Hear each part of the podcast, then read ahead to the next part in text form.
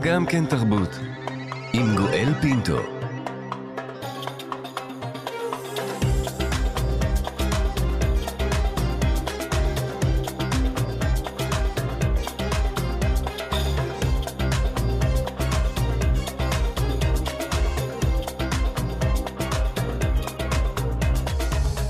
שלום שלום אה, לכולכם, אנחנו כאן, גם כן תרבות, מגזין התרבות של ישראל, בשבוע ה-17 למלחמת 7 באוקטובר.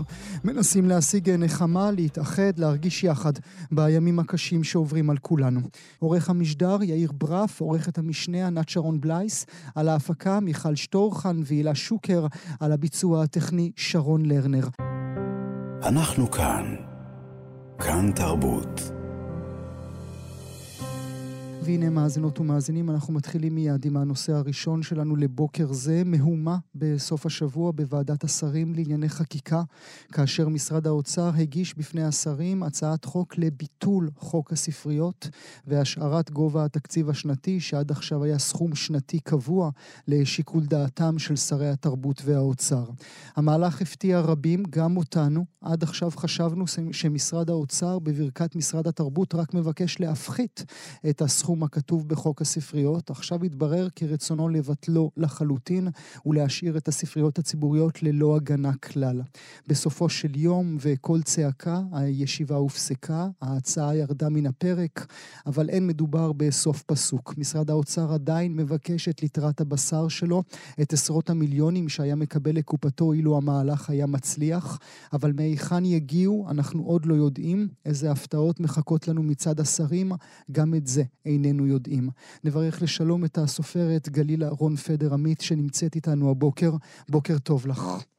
בוקר טוב לך ולמאזינים. תודה רבה שאת נמצאת איתנו הבוקר, גלילה. מה את אומרת לעצמך אל מול המהלכים האלה של הממשלה, הם מהלכים שמבקשים לפגוע שוב ושוב בתחום התרבות? קודם כל, אני אומרת ככה, אנחנו, כשאנחנו מדברים על עשרות מיליונים, נדמה לנו מי יודע איזה סכום זה. אבל בהשוואה לתקציב בכלל, העשרות מיליונים האלה של תקציב הספריות זה כסף קטן. והכסף קטן הזה שומר על משהו שהוא מאוד מאוד חשוב, וככל שחולפות השנים אנחנו מגלים ששרי התרבות, חוץ מבאמת אה, כמה יוצאי דופן, שמופקדים על הספריות, הספר זה הדבר האחרון שמעניין אותם. Mm. ואני כשאני אה, חושבת על, ה, על המינוי הזה של שר תרבות, אני אומרת לעצמי, זה כמו שלשר למעמד האישה, למשרד למעמד האישה ימנו גבר. והרבה פעמים באמת, אני חייבת להגיד שהשר הקודם, חילי טרופר, באמת היה אוהב תרבות. אבל הרבה פעמים הספריות מופקדות, ובכלל הקריאה מופקדים בידי אנשים שהם לא קוראים, שהעניין הזה של קריאת ספרים לא מעניין אותם. אה, אני מאוד שמחה שדחו את שינוי החוק, כי החוק כפי שהוא לקח בחשבון את זה ששרי תרבות mm-hmm. ושרי אוצר לא התעניינו בספרים. שלא כדאי לסמוך הוא, עליהם לכן... או להישען עליהם. הוא, לא, הוא לא הסתמך עליהם והוא אמר זה חוק עצמאי, כדי באמת לשמור על בבת עינינו. Mm. אבל את תופסת את זה, את זה, גלילה, רק בתור חוסר עניין, או שאת חושבת שזה כוונת מכוון של שלטון שמבקש מאנשים שלא יצרכו תרבות? אמ, אני בעיקר חושבת שזה חוסר עניין, וגם יש איזושהי נטייה לקשר בין תרבות ובין אה, פוליטיקה של השמאל. וזה אה, חבל מאוד, כי התרבות היא צריכה להיות של הימין ושל השמאל אותו דבר. מי שמבקר בספריות, מי שפוגש אנשים שקוראים, מגלה שאין לזה, באמת אין לזה קשר בין ימין ושמאל, אבל מאחר שאיכשהו נוצר קישור כזה, אז אנחנו מגלים שאנשים אומרים, אולי גם מכוונה פוליטית, בואו נצמצם בתקציב בת, התרבות, mm. מה שהדעתי מוטעה. זה פעם היה אחרת, גלילה? אה, פעם היה אחרת, אגב, לטוב ולרע. כי פעם אה, באמת הצריכה של התרבות והספריות, היית נכנס לספרייה, אז היית מגלה שהשכבה הסוציו-אקונומית שצורכת את המקום הזה ומבלה בו, היא דווקא השכבה הסוציו-אקונומית הגבוהה. היום זה בדיוק ההפך. השכבה הסוציו-אקונומית הנמוכה מגיעה לספריות הרבה יותר מאשר השכבה הגבוהה. אה, אני רואה את זה בשבוע הספר, זה מאוד בא לידי ביטוי, זה שבאים הורים עם ילדים ואומרים תבחר ספר אחד ותמשיך בספרייה. כי ההורים לא יכולים להרשות לעצמם לרכוש ספרים, ואז הם אומרים, אוקיי, בואו נגרה את הילד לקריאה בספר אחד והוא ימשיך בספרייה. והתפקיד של הספרנית הפך להיות אה, הרבה יותר חשוב דווקא בפריפריה. במרכז אנחנו אומרים, דווקא יש להם תרבות מפה להודעה חדשה, כולל תרבות של קריאת ספרים. אבל בפריפריה הספרייה תופסת מקום הרבה יותר מרכזי. ולכן אה, אמרנו לאורך השבועיים מאז הוגשה הצעת התקציב החדשה ל-2024, אמרנו שהראשונים שייפגעו מקיצוצי התרבות לאורך ולרוחב יהיו באמת עיריות הפריפריה, עיריות מוחלשות ובעיקר גם תושבות ותושבים מוחלשים. אכן נכון, נכון, זה הרבה פוגע בפריפריה. אגב, תרשה לי להעיר הערה שלא קשורה בדיוק לקיצוץ הזה, אבל היא עולה במוחי כל פעם כשמדברים על המשרד הזה. השילוב פעם היה בין אה, משרד החינוך והתרבות. אני לא יודעת אם זה היה הדבר המוצלח ביותר, אבל בוודאי זה היה דבר מוצלח יותר מאשר התרבות והספורט. התרבות והספורט אין ביניהם קשר, זה שני דברים שאין ביניהם קשר, ולא יעלה על הדעת שיקצצו בתרבות לטובת הספורט, או שיקצצו בספורט לטובת התרבות, mm-hmm. אני אומרת את זה גם כן. Mm-hmm. זה צריכים להיות שני משרדים נפרדים לגמרי.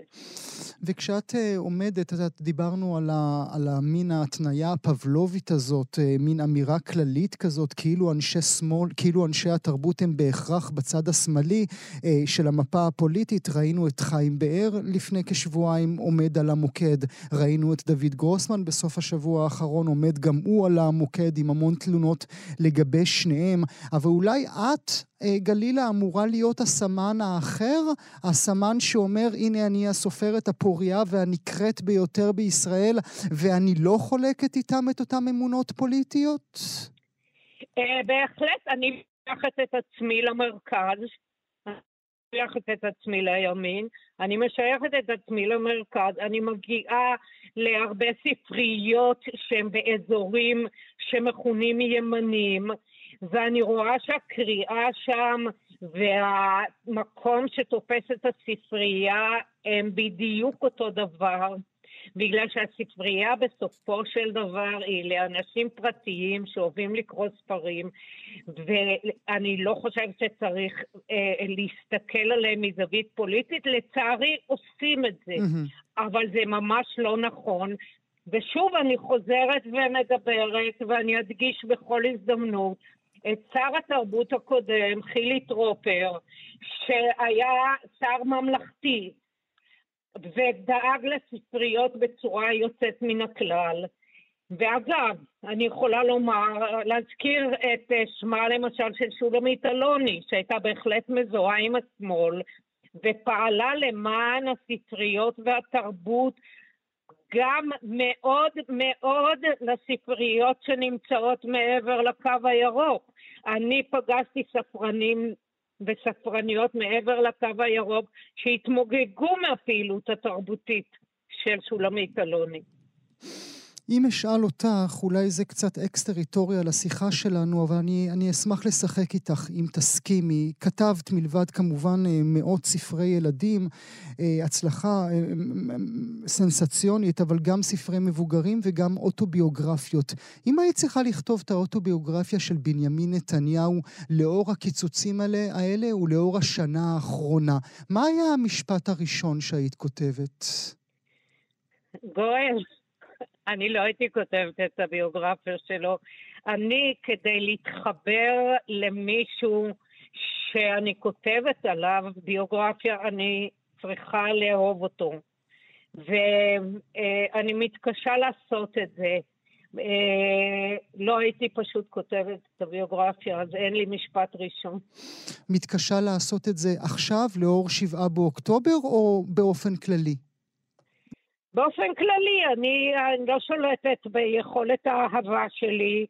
אמ, אגב, היא בעיקר מאוד קשורה לילדות, אה, למשהו מאוד, אה, אני אגיד את זה בסלנג פלפלי, של הדמות בילדות, מה שמצאתי אצל גולדה מאיר, מה שמצאתי אצל רחל ינאית בן צבי, אה, מה שמצאתי אצל יצחק נבון, ילדים מאוד אה, אה, מיוחדים מבחינת השובבות והעצמאות שלהם. אני לא כל כך מכירה את הילדות של אה, ביבי, ככה שאני לא יכולה לומר, אבל... אה, אני לא, לא, לא התאהבתי שם. ממה שאני יודעת, אני לא, לא יכולה להגיד לעצמי שאני מאוהבת בדמות. אבל אה, להיות בצילו של אח, להיות אה, תחת אב שנעלב בעקבות היחס שהוא קיבל, זה לא כר פורה לסופרת כמוך? אה, למען האמת הייתה תקופה שדווקא חשבתי לכתוב על יוני. Mm. אה, אבל זה גם לא... לא, אני כותבת באמת, אה, היחסים עם האב אה, נכנסים אצלי לסדרות אחרות של ספרים, והמהלך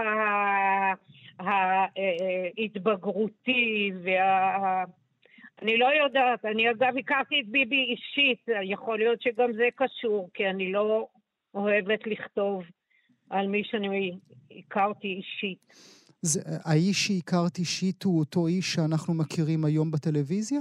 לא, לא, ממש לא. אני הכרתי אותו בצעירותו בזמן שהוא שירת בצבא, והוא היה, אני באמת אה, אדם מאוד נחמד, היה נעים אה, לבלות איתו ועם אה, חברתו שנהייתה אשתו הראשונה, מיקי, שעד היום אני מאוד מחבבת אותה, אבל לא הרגשתי שאני נמשכת לכתוב עליו.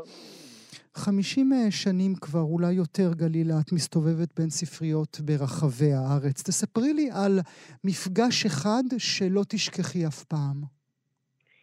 אה, אז יש לי כמה מפגשים שאני לא אשכח, ואני אזכיר מפגש אחד, אני לא אנקוב אה, בשם הספרייה, הספרנית בוודאי כבר לא עובדת שם, היא יצאה לגמלאות, אבל קודם כל אני רק אקדים ואומר שהדבר היפה ביותר כשנכנסים לספריות זה לגלות את הקשר המיוחד בין הקורא, במיוחד קורא שהוא קצת דחוי חברתית, לבין הספרנית.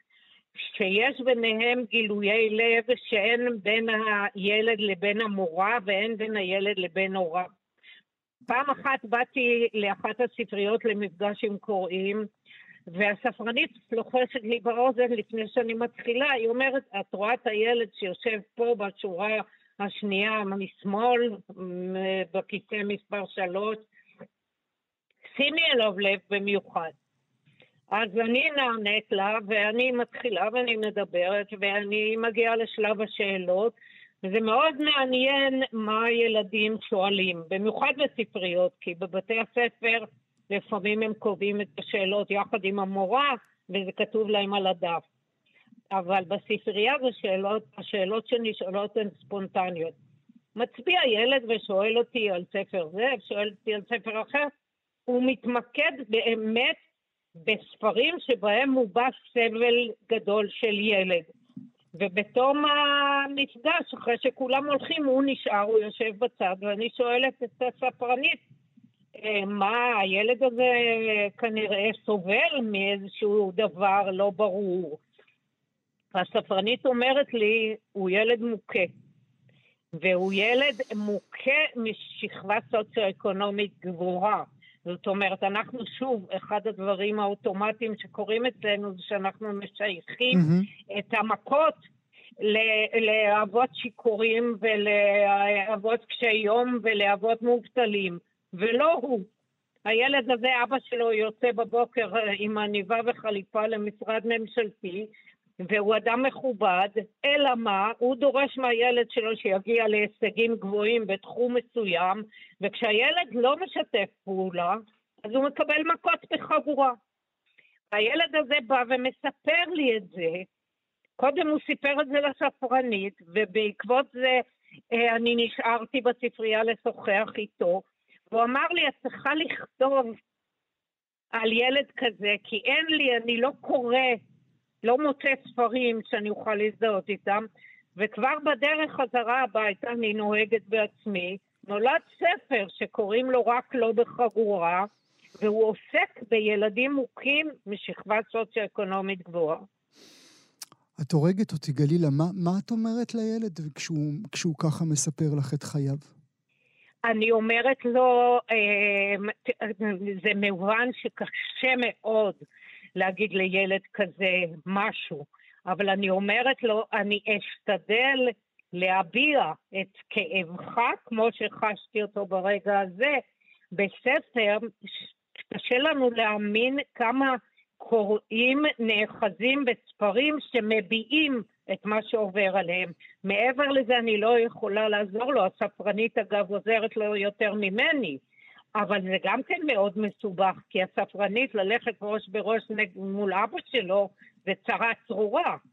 אה, וצריך להיות מאוד עדינים, אבל אני כסופרת שעוזבת את אותה ספרייה ונוסעת הביתה, מקסימום יכולה להתכתב עם הילד הזה. הדבר היחיד שאני יכולה לומר לו זה שאני יכולה להביע, לנסות, להביע את מה שעובר עליך. ואכן שלחתי לילד את הספר, והוא מאוד התרגש מזה. אבל מה לא שלך... לא עזרתי לו מעבר לזה, רק איבדתי. אולי עזרת לילדות וילדים רבים אחרים בזכות היצירה הזאת, אבל מה שאני לומד מהדברים שלך, גלילה, זה שבמידה רבה הספרניות והספרנים גם משמשים אוזן קשבת עבור הרבה מאוד ילדים, אולי על דברים שהם לא יכולים להגיד לא בבית הספר ובטח לא בבית. אכן, הספרנים ממלאים תפקיד במיוחד לילדים המופנמים והסובלים. אגב, יש, אני הרבה פעמים שומעת שאנשי ספרות, אה, או כותבים, או מבקרים, או חוקרים, מספרים במבט לאחור שהדמות המכוננת בילדותם הייתה הספרנית, או הספרן. כן. מילה לסיום אה, ברשותך. את חושבת שעוד אפשר להיאבק אל מול מהלכי הממשלה? אני, אני חושבת שיש הרבה מה להיאבק בנושא הזה של, ה, של הספריות. Uh, הבעיה היא יותר שהמאבק נשמע, uh, בהרבה, הוא נשמע בהרבה קולות, אבל כל אחד, הוא כל הזמן מביע את העניין הזה שהסופרים, הסופרים, הסופרים זקוקים לספריות. אבל יותר ממה שזקוקים הסופרים לספריות, ואני כבר מעבר לגיל הזה, אני חושבת שהקוראים זקוקים לספריות. אגב, תענוג היום להיכנס לספריות הרבה יותר ממה שהיה לפני 40 שנה, כי לפני 40 שנה הספרייה הייתה מקום הרבה יותר מצומצם, ובאו אליה רק באמת האוהבי קריאה, כמו שאמרתי קודם, והיום בספרייה מכינים שיעורים, והיום בספרייה יש מחשבים, והיום בספרייה יש אירועים, הרבה יותר פעילות ממה שהייתה פעם. מרכזי תרבות של ממש. טוב, אנחנו נמשיך אה, ונעקוב כמובן, הסופרת גליל אהרון פדר עמית. תודה רבה שהיית איתי הבוקר. תודה רבה גואל ותודה למאזינים. תודה לך. אנחנו כאן. כאן תרבות. לפני כמעט ארבע שנים, בספטמבר 2020, פרסם ארגון אה, סיכוי אופוק, ארגון משותף לערבים ויהודים שפועלים לקדם שוויון ושותפות בין האזרחים הערבים והיהודים בישראל, מחקר שנגע בהנכחת השפה הערבית במוזיאונים ברחבי הארץ. תוצאות המחקר העלו תמונה איומה. ברובם של המוזיאונים לא ניתן לקבל הדרכה בערבית, לא ליווי הקלטה אלקטרונית ולא מדריך אנושי. דובר ערבית. רוב המוזיאונים, 85% מהם, לא תרגמו את המפות והעלונים שלהם לערבית. 70% מאתרי האינטרנט של המוזיאונים לא סיפקו מידע על התערוכות והפעילות בערבית, ו-90% מהמוז... מהמוזיאונים אינם מפעילים עמוד פייסבוק יהודי בערבית. עם המחקר נעשו גם פעילויות אופרטיביות, והנה כעת מוזיאון תל אביב לאומנות יכול להיות גאה בעובדה שהוא הראשון שיש השלים מהלכים משמעותיים, שילוט שהשתנה ואפילו קבוצות חשיבה, שכולם קודש להבאת הקהל הערבי למוזיאון, שירגיש גם הוא, כמונו, שם בבית. שניים איתנו, נברך לשלום את חולוד אדריס, מנהלת שותפה של המחלקה לחברה משותפת בעמותת סיכוי האופוק. שלום לחולוד. שלום, שלום. תודה רבה שאת נמצאת איתנו, ולצידך אה, רת, אה, רפת חטאב, מנהל קהילה ופרויקטים באגף חינוך של מוזיאון תל אביב. שלום גם לך, רפת. שלום, גואל. תודה רבה שאתה נמצא איתנו. חולות, נתחיל איתך אה, ברשותך. לפני ארבע שנים יצאתם עם המחקר הזה, שבאמת היה כל כך ברור מאליו שאפילו לא הבנו מדוע הלסת שלנו נופלת. הרגשת שהתוצאות פתחו איזושהי דלת?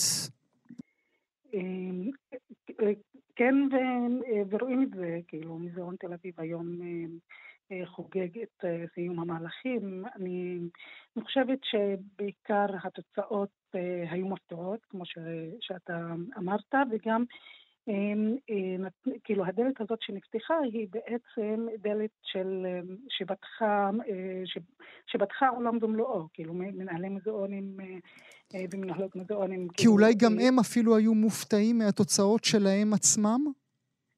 אכן ככה, כאילו גם היו מופתעים, אבל אני גם, גם לא חשבו, כאילו לא mm-hmm. חשבו שנוכחות השפה הערבית חשובה, לא חשבו ש... זה משהו של, כאילו, אני הגדרתי אותו לפני כמה שנים כעברון.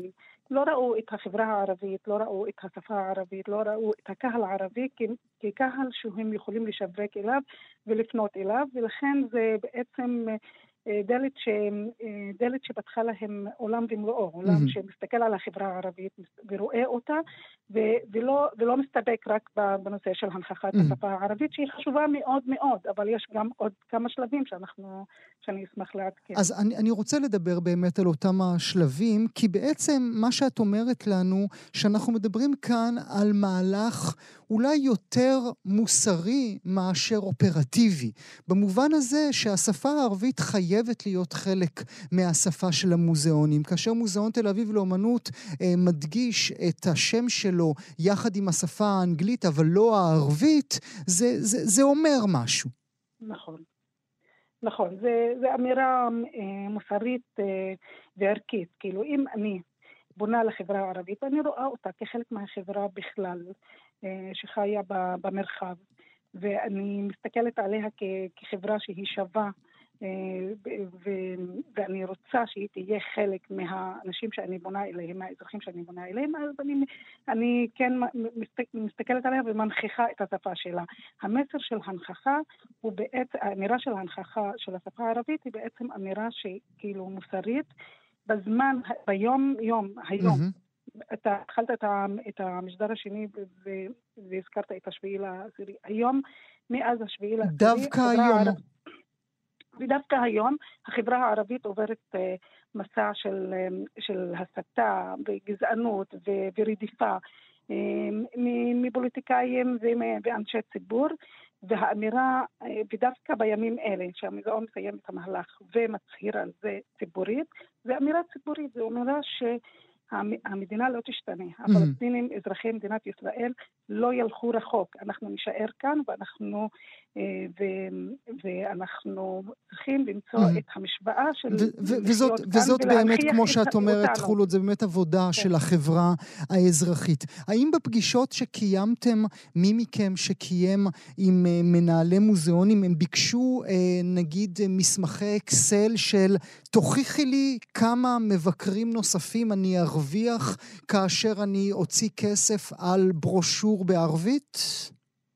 אמ, השאלה היא שאלה, אה, האמת, כאילו בכל המפגשים שאני נוכחתי בהם אה, עם הצוות אה, של פיקוי אופוק, כל המנהלים וכל הצוותים הניהוליים שדיברנו איתם, לא התחלנו מהנקודה הזאת. Mm, התחלנו, מעניין. איך יכול להיות שאין לנו ערבית. מעניין.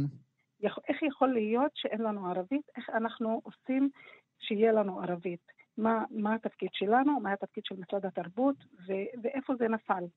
וזו השאלה, כאילו, האחריות היא לא רק על המוזיאונים שאין להם ערבית והם לא רואים את הציבור הערבי. משרד התרבות, שהוא אה, מממן אה, אומנות, mm-hmm. מממן... אה, מתקצב, בהחלט. אה, מתקצב, mm-hmm. אה, בעצם הוא גם שכח את, את הקהל הערבי. Mm-hmm. משרד התרבות שהוא לא משקיע במוזיאונים בתוך החברה הערבית, בתוך mm-hmm.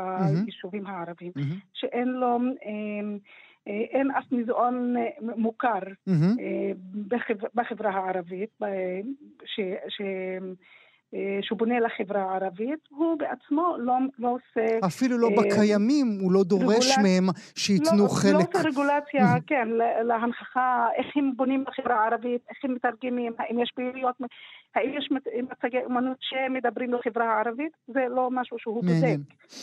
נשים אה, נקודה ברשותך, אעבור אליך. כן. כאמור, אה, רפת חטאב, מנהל קהילה ופרויקטים באגף חינוך של מוזיאון תל אביב. כמה דוברי ערבית עובדים במוזיאון תל אביב לאומנות, רפת? היום אה, הגדלנו את המספר של הצוות שלנו. אנחנו חמישה אה, שעובדים, דוברי ערבית. וכשהתחלת? כשהתחלתי הייתי אחד. היית היחיד. הייתי היחיד שדובר ערבית במשך אה, עשר שנים בערך. עד כמה זה בודד? אמ, אני התחלתי לעבוד במוזיאון תל אביב לא כדובר ערבית, אלא כמדריך אה, לכל דבר, ככה שהדרכתי גם אה, בעברית, גם באנגלית ובערבית כשהיה צריך. כלומר, הפנייה לקהל הערבי והפרויקטים של השפה הערבית לא היו קיימים עדיין, mm-hmm. ככה שזה, לא הרגשתי את הבדידות, אני התחלתי פשוט אה, לכל דבר. אבל היו קוראים לך כשהיו צריכים, אה, הייתה מגיעה קבוצה או היה מגיע בודד דובר ערבית, היו נזכרים שיש להם את רפת באחד המשרדים? אה, אני הדרכתי קבוצות אה, דוברות ערבית, ומוזיאון תל אביב אה, יש לו קבוצות מעורבות, ערבים יהודים מ-2006, שבעצם בקבוצות האלה תמיד היה צורך בתרגום. אז כן, יצא לי להדריך לא הרבה, אבל יצא לי להדריך קבוצות דוברות ערבית. ואני מניח שהתרגום עוד הקשה עוד יותר על המהלכים עצמם, כן? הכל הופך להיות כפול, מה שמקשה על ההדרכה עצמה. תרגום זה לא הפתרון, תרגום זה מסורבל, תרגום זה בעייתי, אה, אבל זה היה הפתרון ש... שהיה לנו בידיים אה, באותה תקופה. בוא נדבר ברשותך מהידע שלך, מהניסיון הרב שלך, אודות אה, תרבות המוזיאונים בחברה הערבית. יש פער תרבותי מאוד גדול, לא רק בחברה הערבית, אלא בכלל חשיבה אה, מזרחית וחשיבה מערבית. מוזיאונים וגלריות ואומנות, כפי שאנחנו מכירים אותה וכפי שמלמדים אותה, היא חשיבה מערבית, היא התפתחה באירופה ואנחנו מגיעה משם. בתרבות המזרח, אה, במיוחד במזרח התיכון, חשיבה של אומנות ותרבות היא מאוד שונה. ככה שכשאנחנו עובדים היום ואומרים, החברה הערבית, למה היא לא צורכת תרבות, אנחנו מבינים שיש פער תרבותי, ואנחנו עובדים בתוך הפער הזה. כלומר, זה לא שאנחנו אומרים, יש חוסר הבנה או יש חוסר קבלה, יש חוסר מודעות בכלל לקיום של מוזיאונים. Mm-hmm. ככה שזה לא נכנס אפילו במערכת החינוך, לא לומדים בבתי ספר אה, אומנות, ברוב, או לא יוצאים למוזיאונים אמ, בגיל צעיר, בבתי ספר, וכאן אנחנו נכנסים ואנחנו רוצים לגשר על הפער הזה ולהגיד, החיים משתנים, יש... את הגלובליזציה, אנחנו צורכים את כל התרבות המערבית, בין אם זה באופנה, בין אם זה במאכלים, בין אם זה בהכל. למה התרבות נשארת בצד? למה אנחנו עדיין שומעים שזה אולי לא חלק. מהתרבות שלנו, אנחנו לא מבינים את זה, וכאן אנחנו נכנסים בשביל לשבור את הדבר הזה. ואתה רואה, או אתה, האם אתה רואה סממנים לכך שאתה מצליח לשבור משהו? כשאני התחלתי ללמוד אמנות, בואו נחזור 20 אה, שנה אחורה, באקדמיה לאמנות, בתואר הראשון, היינו בין ארבעה, חמישה. היום אתה מסתכל בשני העשורים האחרונים, mm-hmm. אקדמיות לאמנות, יש עשרות. כן. גם כאלה שהגיעו אה, לרמות מאוד גבוהות. אתה חושב אבל אולי שצריך גם שהאוסף של המוזיאונים צריך לכלול יותר אומנים ערבים, כדי שמי שמגיע יוכל גם להכיר אותם וגם האחרים יוכלו לראות את עצמם בתוך הדימויים האלה? לחלוטין. Uh, הדברים משתנים. בוא, אם אני, אני אדבר בשם uh, מוזיאון תל אביב, מכיוון שאני מכאן, אני לא יכול לייצג את כל המוזיאונים. מוזיאון תל אביב קיים 90 שנה. והוא משתנה. בכל תקופה יש שינוי, שינוי חשיבתי. אה, גם אה, הפוליטיקה משתנה, גם האנשים משתנים, וגם, וגם האוסף. ההנהלה משתנה. כן. האוסף משתנה. כל, המוזיאון מגיב למה שקורה בחוץ, בדרך כלל.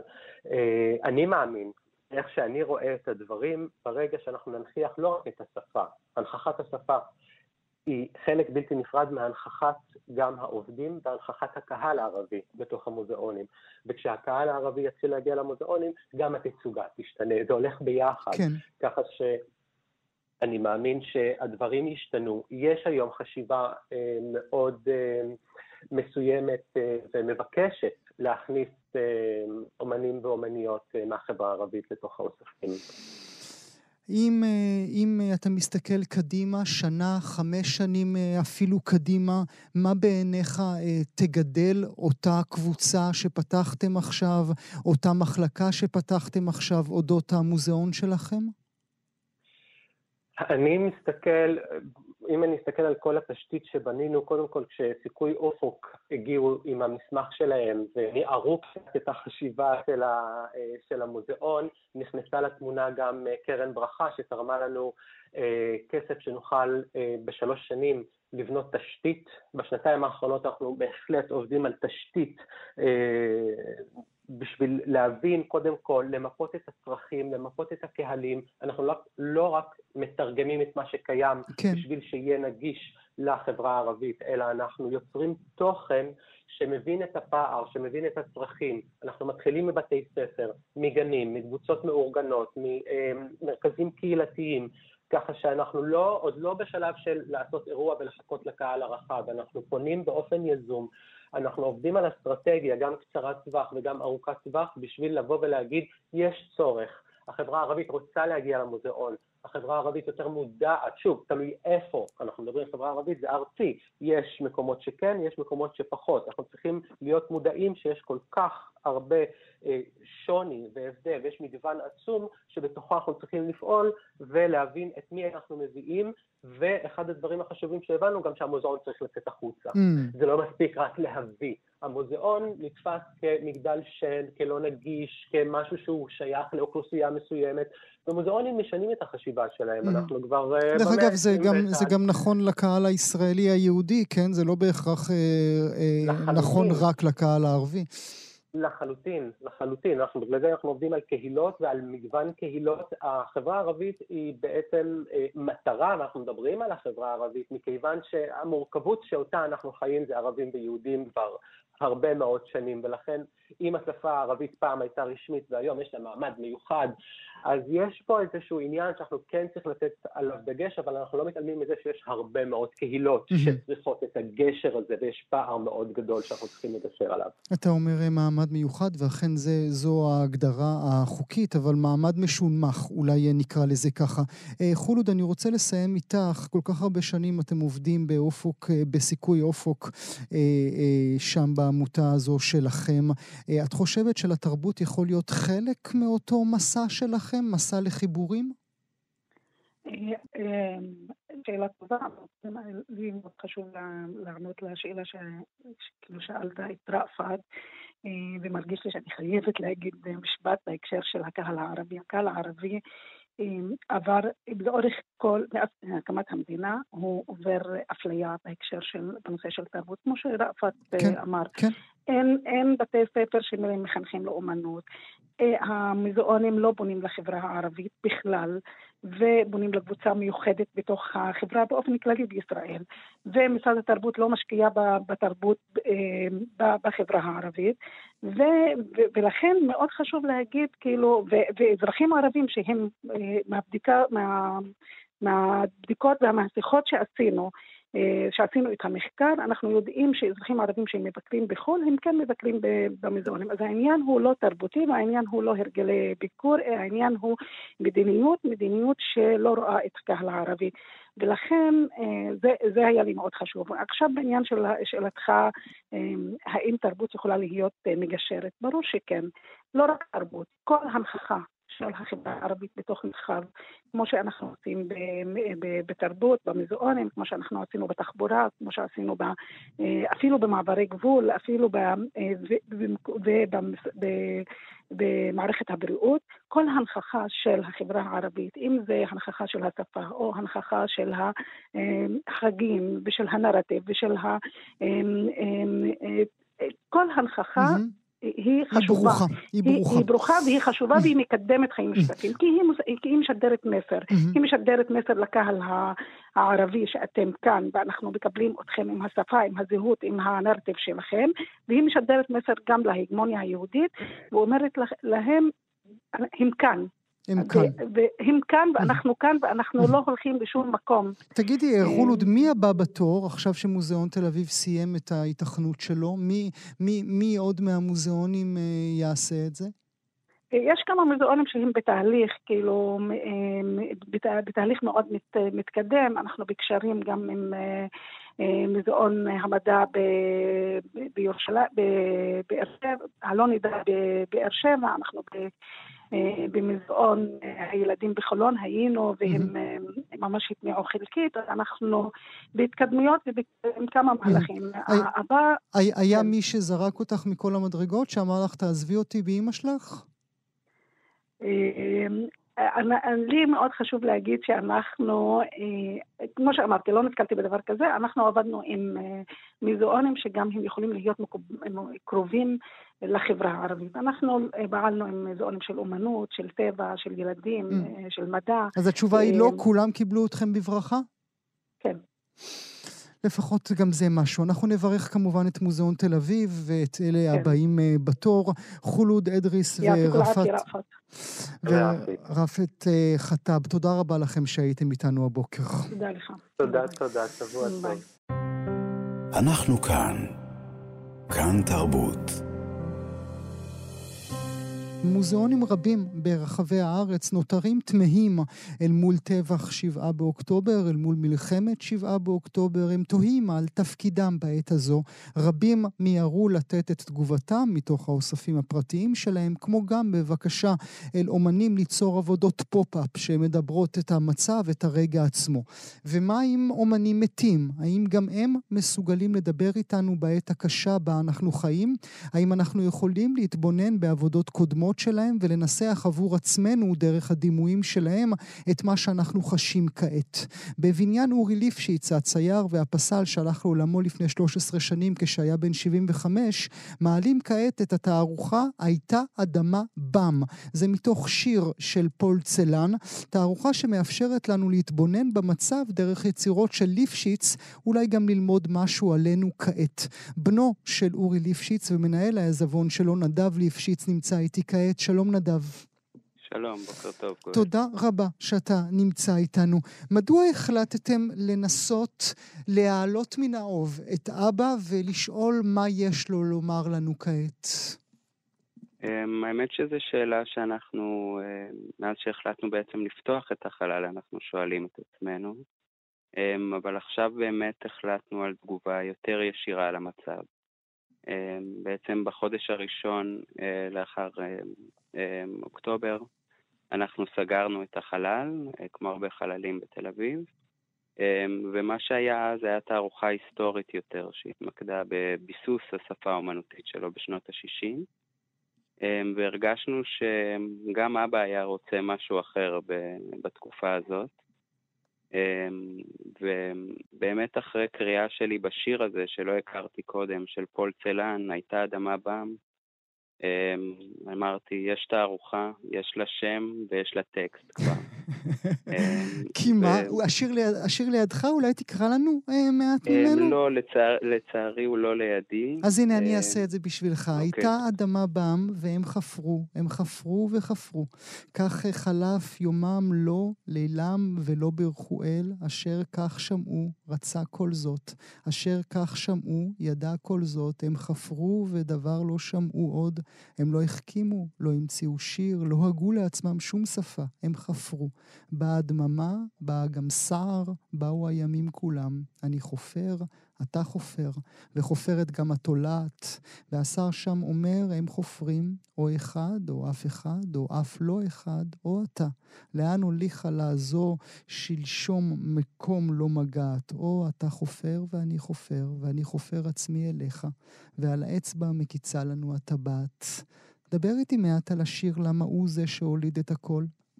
אמ, בעצם אה, אני חושב שזו הייתה תקופה אמ, של הרבה התלבטות של מה להציג, מתי לפתוח את החלל מחדש, איך לפתוח אותו. אמ, וכמו שאתה אומר, התגובה הישירה של האמן לא קיימת, אבל פתאום הרגשתי בכוח שיש לאומנות לדבר את המצב, לאומנות היסטורית, לדבר את התחושות שעוברות לנו באותו רגע. אמ, ומתוך זה החלטתי לבחון את אה, שאלת היסוד שאבא שאל על הפעולה האומנותית ועל התפקיד שלה בחברה ובתרבות. אמ, אז מה עושים ו... ברגע זה, ברגע כזה? פשוט מה, אה, נכנסים אל תוך את כל העיזבון כולו? לתוך העיזבון, אמ, כן, וממש באותו רגע אני הוצאתי את העבודות ובחרתי את התערוכה. פרג... פשוט הרגיש שזה מדבר גם את המצב, גם את הרגשות שאני מרגיש, את הרגשות שאבא הרגיש באותה תקופה שהוא צייר את העבודות ואת היכולת שלהם לדבר גם את המצב עכשיו. אז בוא, בוא, אה, בוא ניקח ברשותך, נגיד אולי הציור אמ, טוב, כל הציורים מרהיבים, כן? כי האבא שלך היה מהגדולים שהיו לנו, אבל בוא, נדמה לי, נדמה לי שהציור של מנחם בגין, ראש הממשלה לשעבר, אה, כשראשו שפוף, הוא הציור המוכר ביותר מבין כל ה... בתוך כל התערוכה הזו. נדמה לי גם שאני מבין מדוע בחרתם בציור הזה אה, לתערוכה, אבל תן לי את המילים שלך. אמ, כן, אמ, קודם כל, אמ, ב-80, בשנות ה-80 אה, הוא עושה סדרה מאוד גדולה של ציורי פורטרטים של פוליטיקאים, בעיקר של, אה, במצב של נאום, הוא אה, מצייר סדרת נואמים מאוד גדולה. הפורטרטים המפורסמים ביותר שהוא עשה היו דווקא של כהנא ב-88, mm-hmm. אמ, שגם הם, אנחנו הצגנו אותם לפני שנה בחלל, ופתאום קיבלו משמעות שונה לגמרי מהמשמעות שהיה להם כשהוא צייר אותם ב-88. אמ, אם ב-88 הם תיארו רגע של החדירה של השיח, אמ, השיח הכהניסטי, השיח הגזעני והחדירה שלו לתוך הפוליטיקה, כיום הם כבר מקבלים משמעות שונה לגמרי, כשהשיח הזה הופך להיות כמעט מיינסטרים בחברה שלנו. אמ, אבל עניין אותו גם הרגע הזה של הנאום כמצב אקסטטי מסוים, של אדם שנמצא בשיא כוחו, ואבא אמ, גם עניין אותו הרגע של לאחר מכן, הרגע של הקריסה. בעיקר הקריסה, נכון? אחרי שאדם נמצא בשיא הכוח. אמ, וזה רגע שהוא פתאום משתנה בגישה שלו. אמ, אבא תמיד אומר כשהציור שלו הוא לא אישי, הוא מעולם לא מביע את דעתו על המצויר. ובעצם המסת נפש שלו היה איזה מעין ניקיון עצמי אמ, כדי להגיע למצב שהוא מבין את האדם שהוא מצייר או את הסיטואציה שהוא מצייר בצורה הכי נקייה שיש. אמ, ואם בציור של הנואמים יש איזו ביקורת מסוימת, בציור של בגין זה כמעט רגע אחרי, זה הקריסה הזאת, הרגע של הדיפרסיה, mm-hmm. ושם הוא דווקא מביע אמפתיה מסוימת. שזה, אבל מה, יש, זה, אבל מה יש, זה אומר להציג בתערוכה... את הציור הזה עכשיו ב-2024, אחרי מה שחווינו באוקטובר? אני חושב ש... קודם כל אני אגיד שאני גם הצגתי את בגין לפני שנה במשהו, כי זה גם הרגיש לי אקטואלי. יש משהו בדמות שלו, יש משהו um, בענווה המסוימת שלו דווקא, um, ובהסתכלות על, um, על פוליטיקאים, אני חושב שאבא יכל לראות את המקום המאוד אישי הזה, של החוויה האישית שהם עוברים ולהציג אותה, um, ואני חושב שבגין um, היה דוגמה מאוד טובה. Um, כשכיום אנחנו כבר לא רואים את הדברים האלה. היום קשה מאוד לראות אותם um, כחוויות אנושיות, כחוויות פגיעות, כאנשים פגיעים, um, וכמישהו שבעצם גם לוקח אחריות אישית mm. uh, וחברתית במצבים האלה. מה שהפתיע אותי במיוחד אה, לאור התערוכה הזו שלכם, זה שבחרת, אה, אוקיי, הוא אביך, כמובן, אתה מדבר מגרונו ואתה מדבר אותו מאוד מאוד יפה. אתה אפילו משתמש בזמן הווה, אני לא יודע אם שמת לב. אתה כן. אמרת, אבא תמיד אומר. אתה מדבר כן. כאילו הוא עדיין כאן אה, איתנו. אבל אתה לא מציג בתערוכה הזו, ואולי זו הייתה ההזדמנות שלך להציג בפנינו את האנפון טריבל, את הילד הרע שהיה אה, אורי ליפשיץ, את האיש אה, שאמר דברים איומים, האיש שדיבר על הריגת 500 ערבים עכשיו, כדי שאולי אחר כך יהיה טוב יותר. זאת אומרת, אולי אם אני הייתי מראיין עכשיו את אורי ליפשיץ שלושה חודשים אחרי מקרה הטבח של 7 באוקטובר, הוא היה הרבה הרבה פחות נחמד ונעים ממך. אמ, יכול להיות. אמ, למרות שאני חושב ש... אמ, אה, אנשים שפגשו אותו ידעו גם שהוא גם כן אדם אה, נעים ועדין, אבל גם התערוכה מציגה צדדים מאוד קשים בו, אמ, אני לא, לא מתנער מזה, אמ, ואני חושב שדווקא האמירה שאתה אה, תיארת על להרוג עוד 500 אנשים, היא הייתה אמירה שהוא דיבר עליה בהקשר היסטורי. בתחילת הדרך, הצ... כן. איך, אה, לא, יותר מזה, איך הציור, בעצם כשהוא התחיל לצייר הוא התנתק מהתפיסה הזאת. אמ, כשהוא דיבר על זה, הוא דיבר על זה בהקשר של טבח סברה ושל טבח כפר קאסם, אה, שבעצם הייתה הסדרה הראשונה שהוא צייר בסגנון פיגורטיבי, אבל הוא צייר אותה שמונה שנים לאחר הטבח. אמ, והוא אמר שכחייל, כשהוא היה בצנחנים תחת אה, מאיר הר ציון, אמ, הוא בעצם אה, שמע על הטבח אמ, ואמר את האמירה הזאת, והוא אמר שזו היה הדעה השגורה בפי החיילים באותו זמן. וכשהוא ניגש לצייר את העבודות האלה ב-64, 65, הוא בעצם התנתק מהאידיאולוגיה הזאת. וכשהוא התנתק מהאידיאולוגיה הזאת, הוא הבין שהוא מפתח את התודעה המוסרית שלו, mm. שאי אפשר להסתכל על הדברים בצורה הזאת. אז uh, הוא בעצם מדבר על הציור כדרך שלו להטיל ספק באידיאולוגיה שבה הוא התחנך, והדרך שלו לעבור שינוי תודעתי כל כך עמוק. אבל את, המ... אה, אבל את המאבק הוא דיבר תמיד, גם, ב... גם בציור המצוין, מתאבקים שאתם מציגים בתערוכה. אה, אולי תתאר לנו אותו אתה בעיניים שלך. מה, מה, נכון. הם, מה, מה הם אותם מתאבקים עבור אז... הליפשיצים? אוקיי, אז אני אגיד שבעצם, אה, כחלק ממה שאמרתי מקודם, הוא ניסה להתנתק בזה שהוא עבר לציור חברתי, אה, וציור פיגורטיבי, הוא ניסה להתנתק מהציור האישי. אה, ובשנת 70 הוא בעצם הפסיק, אה, התנתק במובן מסוים מכתב היד האישי שלו, והתחיל לצייר באופן שבו הוא מסתמך על צילומים, צילומי עיתונות או צילומים מקטלוגים, ומצייר בטכניקה של הקרנה. אמ, הצילומים מבחינתו היו שיקוף של הספירה החברתית. Mm. והוא הסתכל על האלימות כאל חוויה אסתטית. אמ, מבחינתו המתאגרפים היו הסדרה הראשונה בעצם שהוא צייר בטכניקה הזאת, שהוא משתמש בצילום כבסיס לעבודה שלו, ומבחינתו המתאבקים היו סמל לאלימות חברתית, או יותר mm. נכון, לאלימות כמאפיין חברתי, מאפיין תרבותי.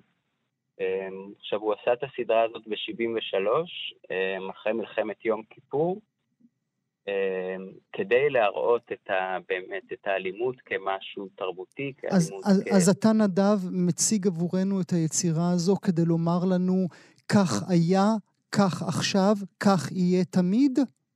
כן, יותר מזה, זה הציור שאני מציג עכשיו, בניגוד לעבודות מ-73, הוא ציור שהוא צייר ב-2006, mm. אמ, אמ, על פי ציור שהוא עשה ב-73. בעצם הוא צייר את הסדרה מחדש. אמ, הוא לקח את הקטלוג מ-73 וצייר אותו מחדש. אז זה נותן איזה תוקף אולי אה, גדול יותר. אולי, כן. אה, אולי מילה, אה, כמו שאמרתי קודם, אתה ממש מדבר מגרונו, זו הייתה אהבה גדולה? איזה מין אבא הוא היה? האמת שכן, זו הייתה אהבה מאוד גדולה. כמו שאתה אומר על ההווה, האהבה הזאת עדיין קיימת. אני, אני עדיין מרגיש אותה, אני עדיין מחובר אליה. הוא היה אבא נפלא. אמ, לצערי, אני אה, איבדתי אותו בגיל 22. אה, הוא נפטר כשהייתי בן 22, היינו אמ, מאוד מאוד קרובים. אני עבדתי איתו חמש שנים אה, כמעין אסיסטנט בסטודיו, אמ, ובאמת זכיתי לאבא נפלא ולחוויות מאוד טובות. אתה יוצר בעצמך? Um, אני נכנסתי לסטודיו בגיל 18 בעצם כדי לצייר, ו... ואני כל השנים זה, בשלושת השנים האחרונות מאז שהחלטנו לפתוח את החלל, um, בעצם uh, עצרתי הכל, כי זה הרבה מאוד עבודה. Um, אני ואימא שלי מנהלים את העיזבון, אבל בעצם מאז שהחלטנו לפתוח את החלל, uh, אני התמסרתי לחלוטין לזה. לא חבל? Uh, לא, לא, אמ, האמת שאני תמיד חי בשתי הכובעים האלה, גם כשהתחלתי לצייר אה, עבדתי גם כאסיסטנט שלו, וגם עכשיו אני מרגיש את זה ממש אה, פועל בתוכי, אז אה, לפעמים זה בא על ידי זה שאני מארגן עבודות של אבא, לפעמים זה בא על ידי זה שאני מתמקד רק בדברים שלי. מבחינתי זה, זה היינו הך. נגיד שוב, מאזינות ומאזינים, הייתה אדמה בם, תערוכה חדשה בבניין אורי ליפשיץ. אם אתם לא מכירות ומכירים את זה, זה ברחוב אברבנאל 2 אה, בתל אביב. לכו צפו בתערוכה החשובה הזו. נדב ליפשיץ, תודה רבה שהיית איתי הבוקר. תודה רבה לך, גואל, תודה.